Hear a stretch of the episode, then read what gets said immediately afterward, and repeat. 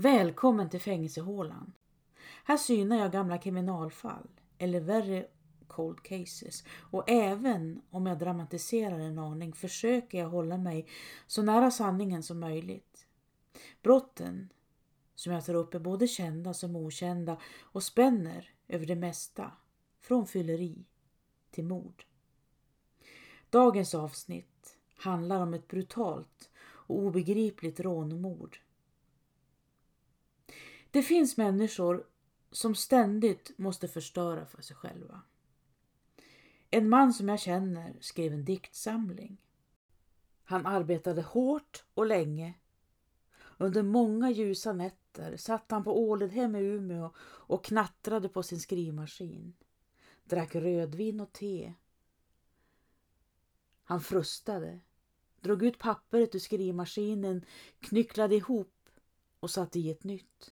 Han var så uppfylld av sin diktsamling att när man mötte honom på Konsum kunde han inte låta bli att dra några nyligen tillagda formuleringar. Till slut satte han punkt, stolt och med högburet huvud bara med sig diktsamlingen.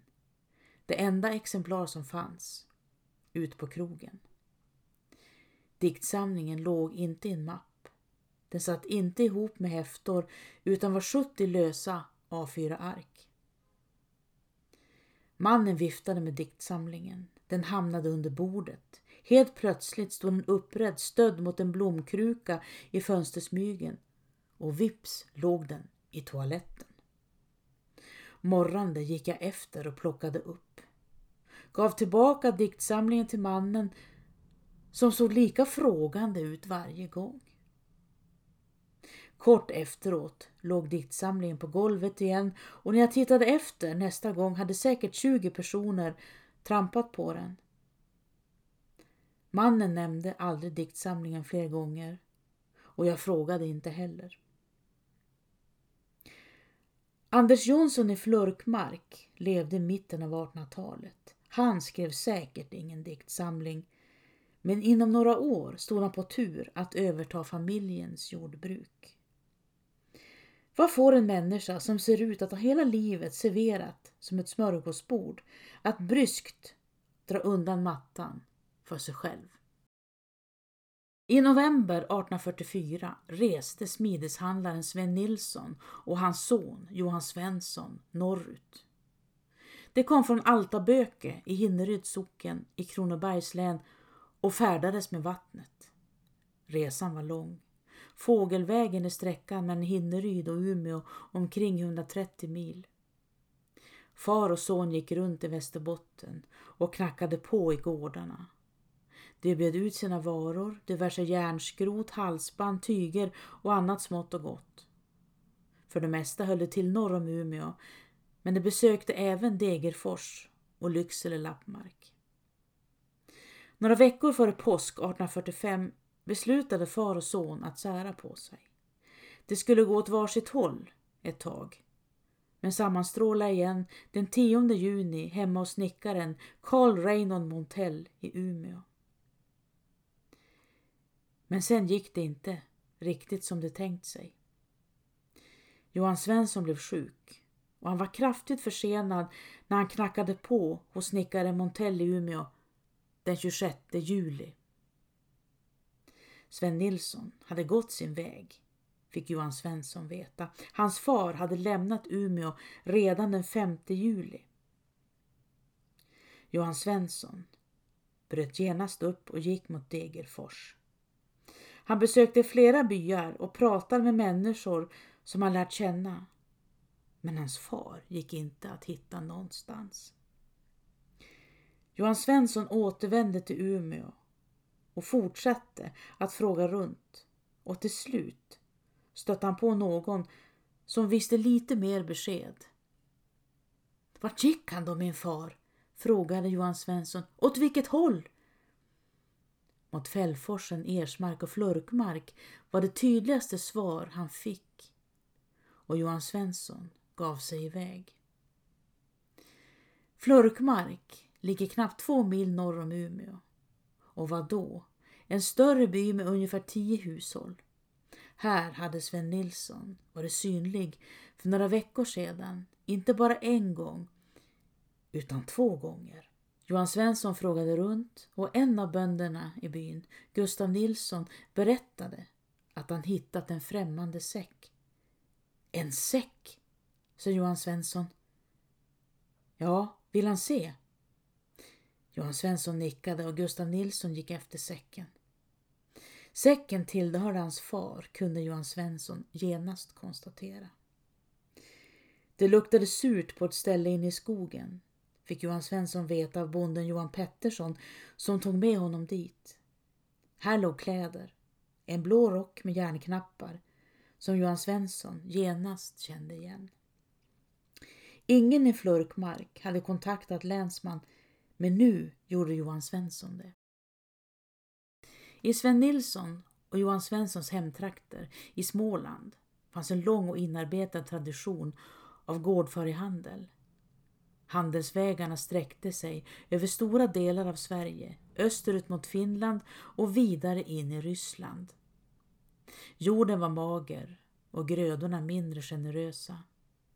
Varuhandel blev en extra födkrok och man sålde det man hade att erbjuda som vävskedar, tyger och järnsmide med mera. Sven Nilsson var tre alnar lång, 178 centimeter och beskrevs som mer fet än mager. När kronolänsman Christian Maurits Ulvhjelm kom till Flurkmark visade sig att byborna redan hade en misstänkt gärningsman. Bondsonen Anders Jonsson hade haft ovanligt mycket pengar att röra sig med på sista tiden. Anders Gustav Jonsson var född i Flurkmark den 1 november 1824.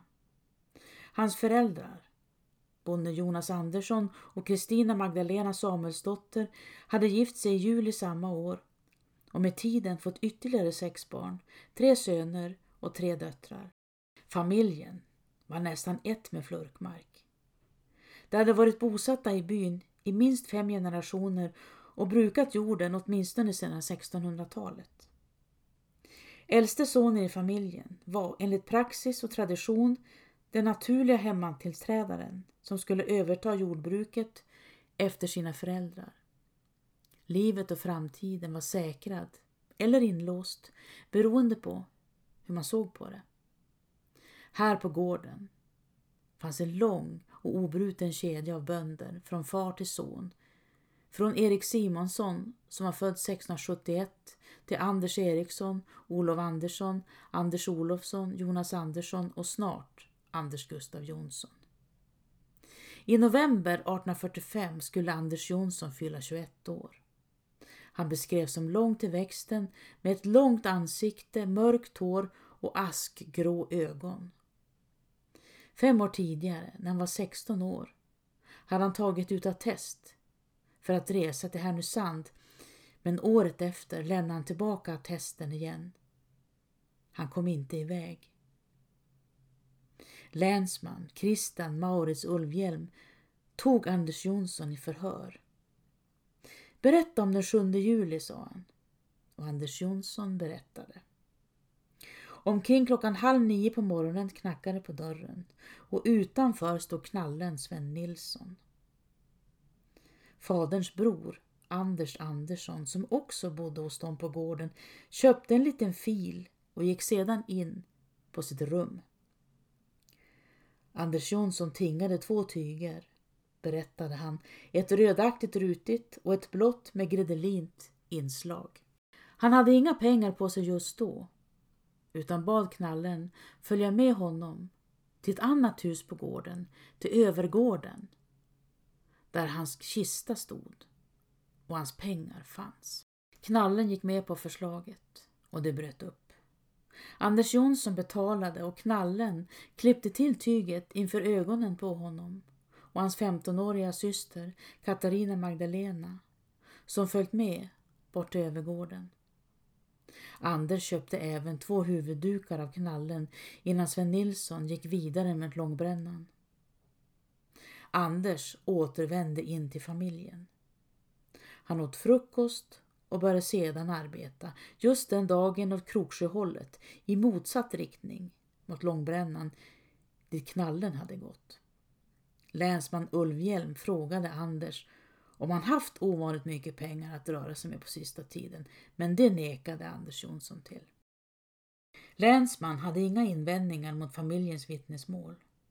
Man hade inte heller hittat någonting av intresse på gården som kunde kopplas till Sven Nilsson. Men Johan Westberg i Långbrännan berättade att samma morgon som knallen Sven Nilsson varit synlig i Flörkmark, alltså den 7 juli, hade han gått mot Flörkmark.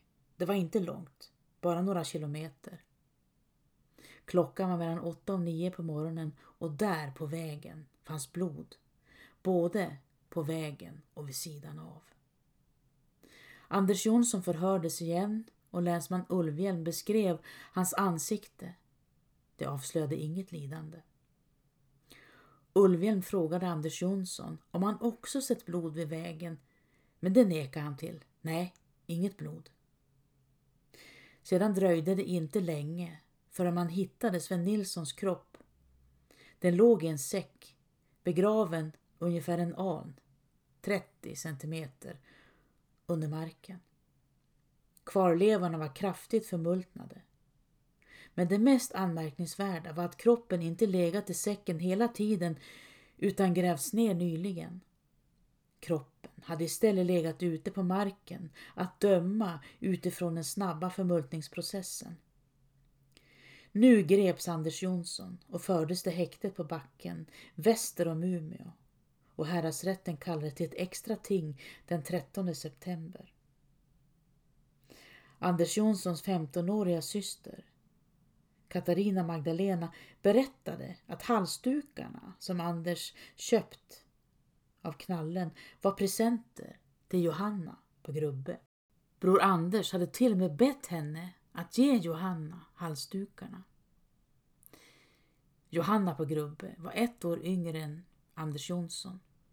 Hon berättade att Anders plockat fram ett främmande tyg och bett henne sy en bussarong åt sig. Det var nog i mitten av juli, trodde hon, om man mindes rätt. Lite senare besökte Johanna Flurkmark. Anders Jonssons lilla syster hade kommit fram till henne och räckt över två huvuddukar som gåva. Från min bror, hade hon sagt. Det var ett fasligt spring men Anders Jonsson hade också försökt ge Johanna ett annat bomullstyg den dagen. Marknaden skulle börja om några veckor och Johanna kunde alltid sälja tyget och tjäna en slant, påpekade han. Tyget var omkring tre meter långt men Johanna tackade nej och Anders drog tillbaka det. Kanske friade Anders Jonsson till Johanna på Grubbe och hon gav honom nobben utan att någon av dem använde de exakta orden.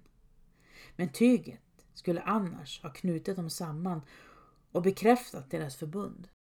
Anders Jonsson gjorde inga medgivanden inför rätten utan försäkrade att han inte hade någonting med knallen Sven Nilssons död att göra. Tidningen Allvar och skämt skrev den 18 september att Anders Jonsson kanske var ivrig att dölja sina gärningar eftersom han tagit nattvarden dagen innan mordet. Rättegången återupptogs den 19 september. Under de sex dagar som förflutit hade Anders Jonsson suttit fjättrad i häradshäktet. Kanske med kedjor både till händer och fötter. Under samma tid han har fått många och intensiva påhälsningar av predikanten Abraham Gravström. Det var ett medvetet drag från rättens sida Abraham Gravström var ledamot av Svenska Akademin och kyrkoherde i Umeå sedan tio år tillbaka. Rätten hade gett honom i uppdrag att bearbeta fången Anders Jonsson med böner och förmaningar för att förhoppningsvis få fram ett erkännande. Det gick vägen. Innan den 19 september hade Anders Jonsson erkänt mordet på knallen Sven Nilsson.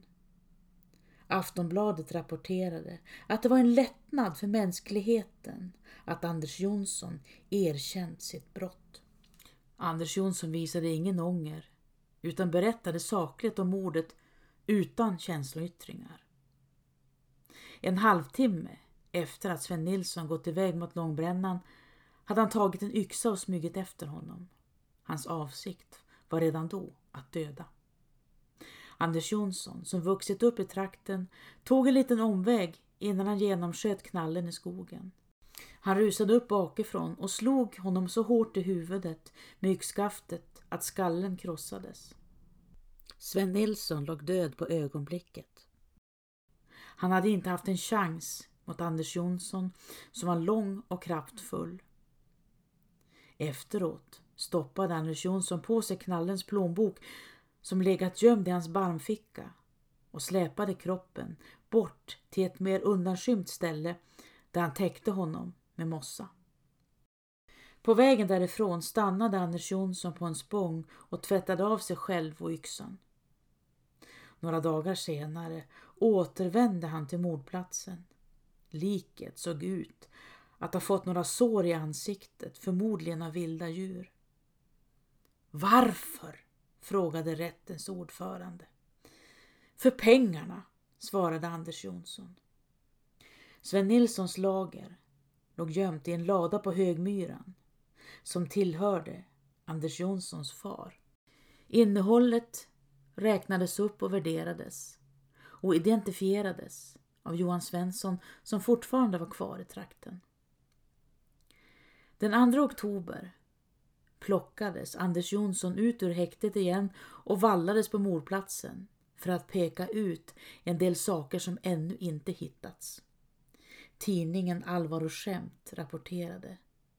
Dessa effekter vore mössa käpp och det hittades också. Allvar och skämt skrev vidare. Som bidrag till personen, alltså Anders Gustav Jonssons karaktäristik, bör vi ej lämna oanmärkt att han med skenbar kallsinnighet inför rätten upprepade bekännelsen om sitt brott under enträgan anhållan att få komma till länshäktet. Passet som hittades var utställt på Sven Nilsson i juni 1843 och gav honom tillstånd att besöka Skåne. Det var alltså från en tidigare försäljningsvandring. Anders Jonssons likgiltiga kyla skrämde rättens ledamöter som beskrev honom som en svartmuskig gåta. Under vallningen på mordplatsen var Anders Jonsson uppfylld av förhoppningar om att få slippa bojorna och flyttas till länsfängelset.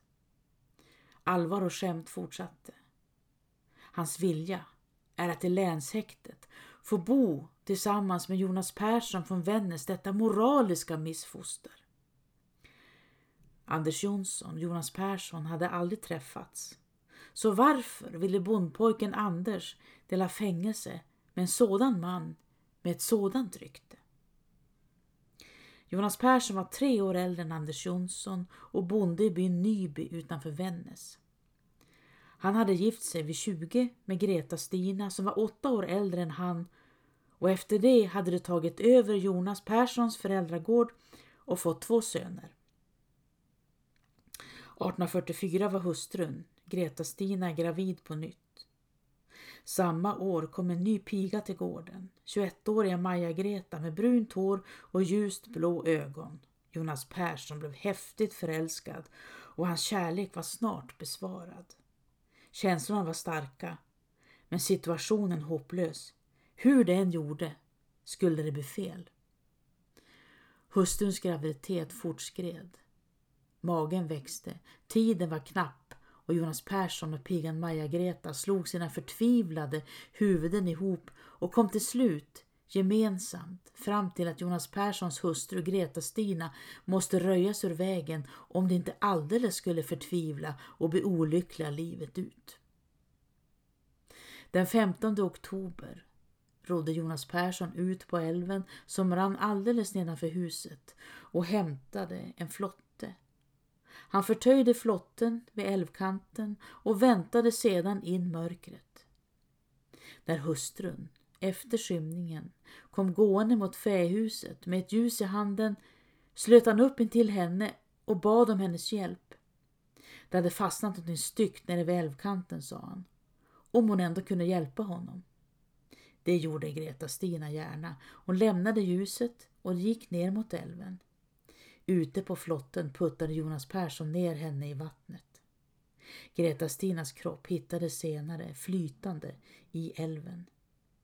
Enligt obduktionen som gjordes av provinsialläkare Karl Hay som även undersökt kvarlevorna efter Sven Nilsson var Greta-Stina Olofsdotter gravid i sjunde månaden när hon kvävdes under vattnet, det vill säga dränktes.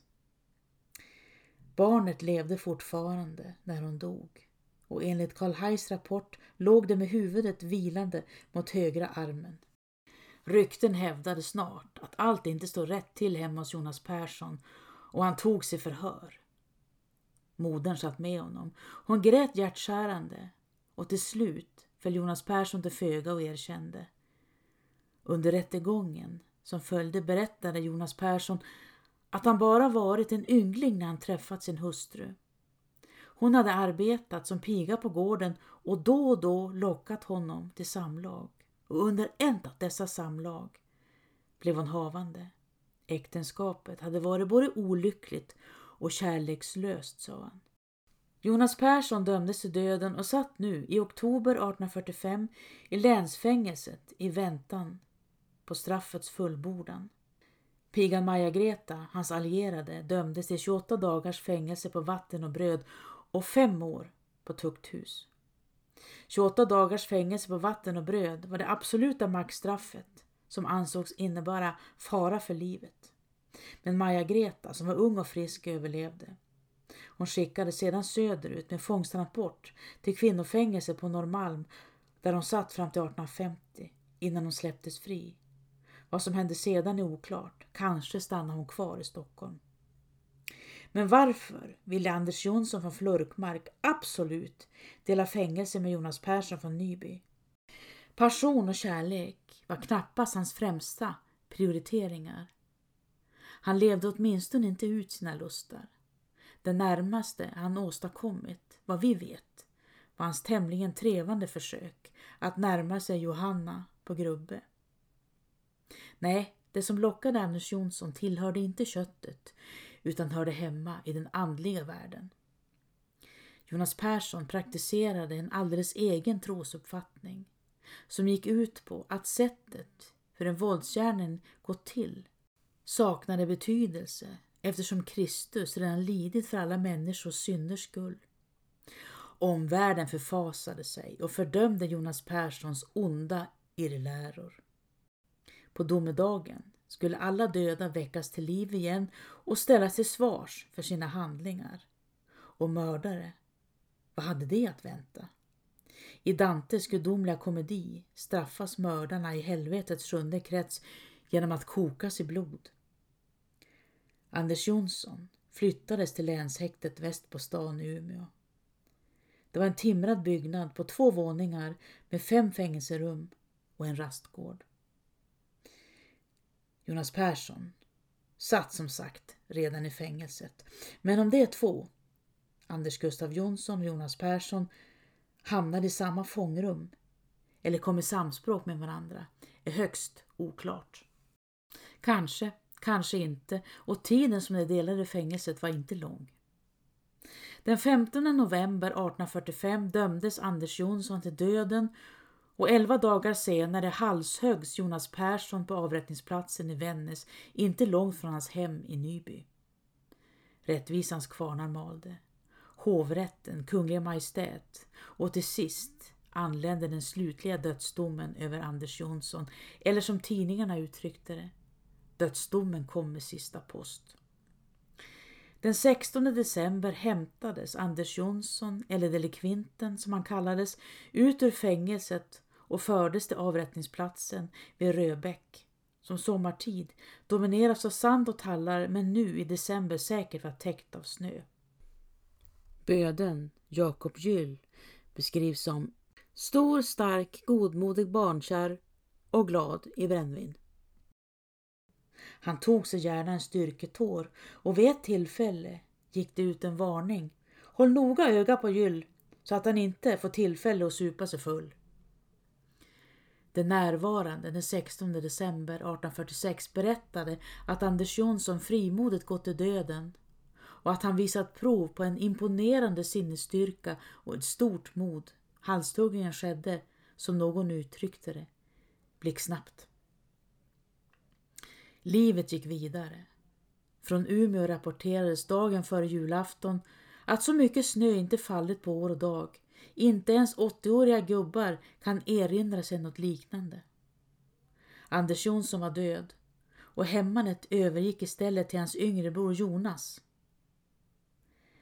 Anders Jonsson hade ingenting att vinna men allt att förlora på att smyga efter knallen Sven Nilsson och slå ihjäl honom in i skogen.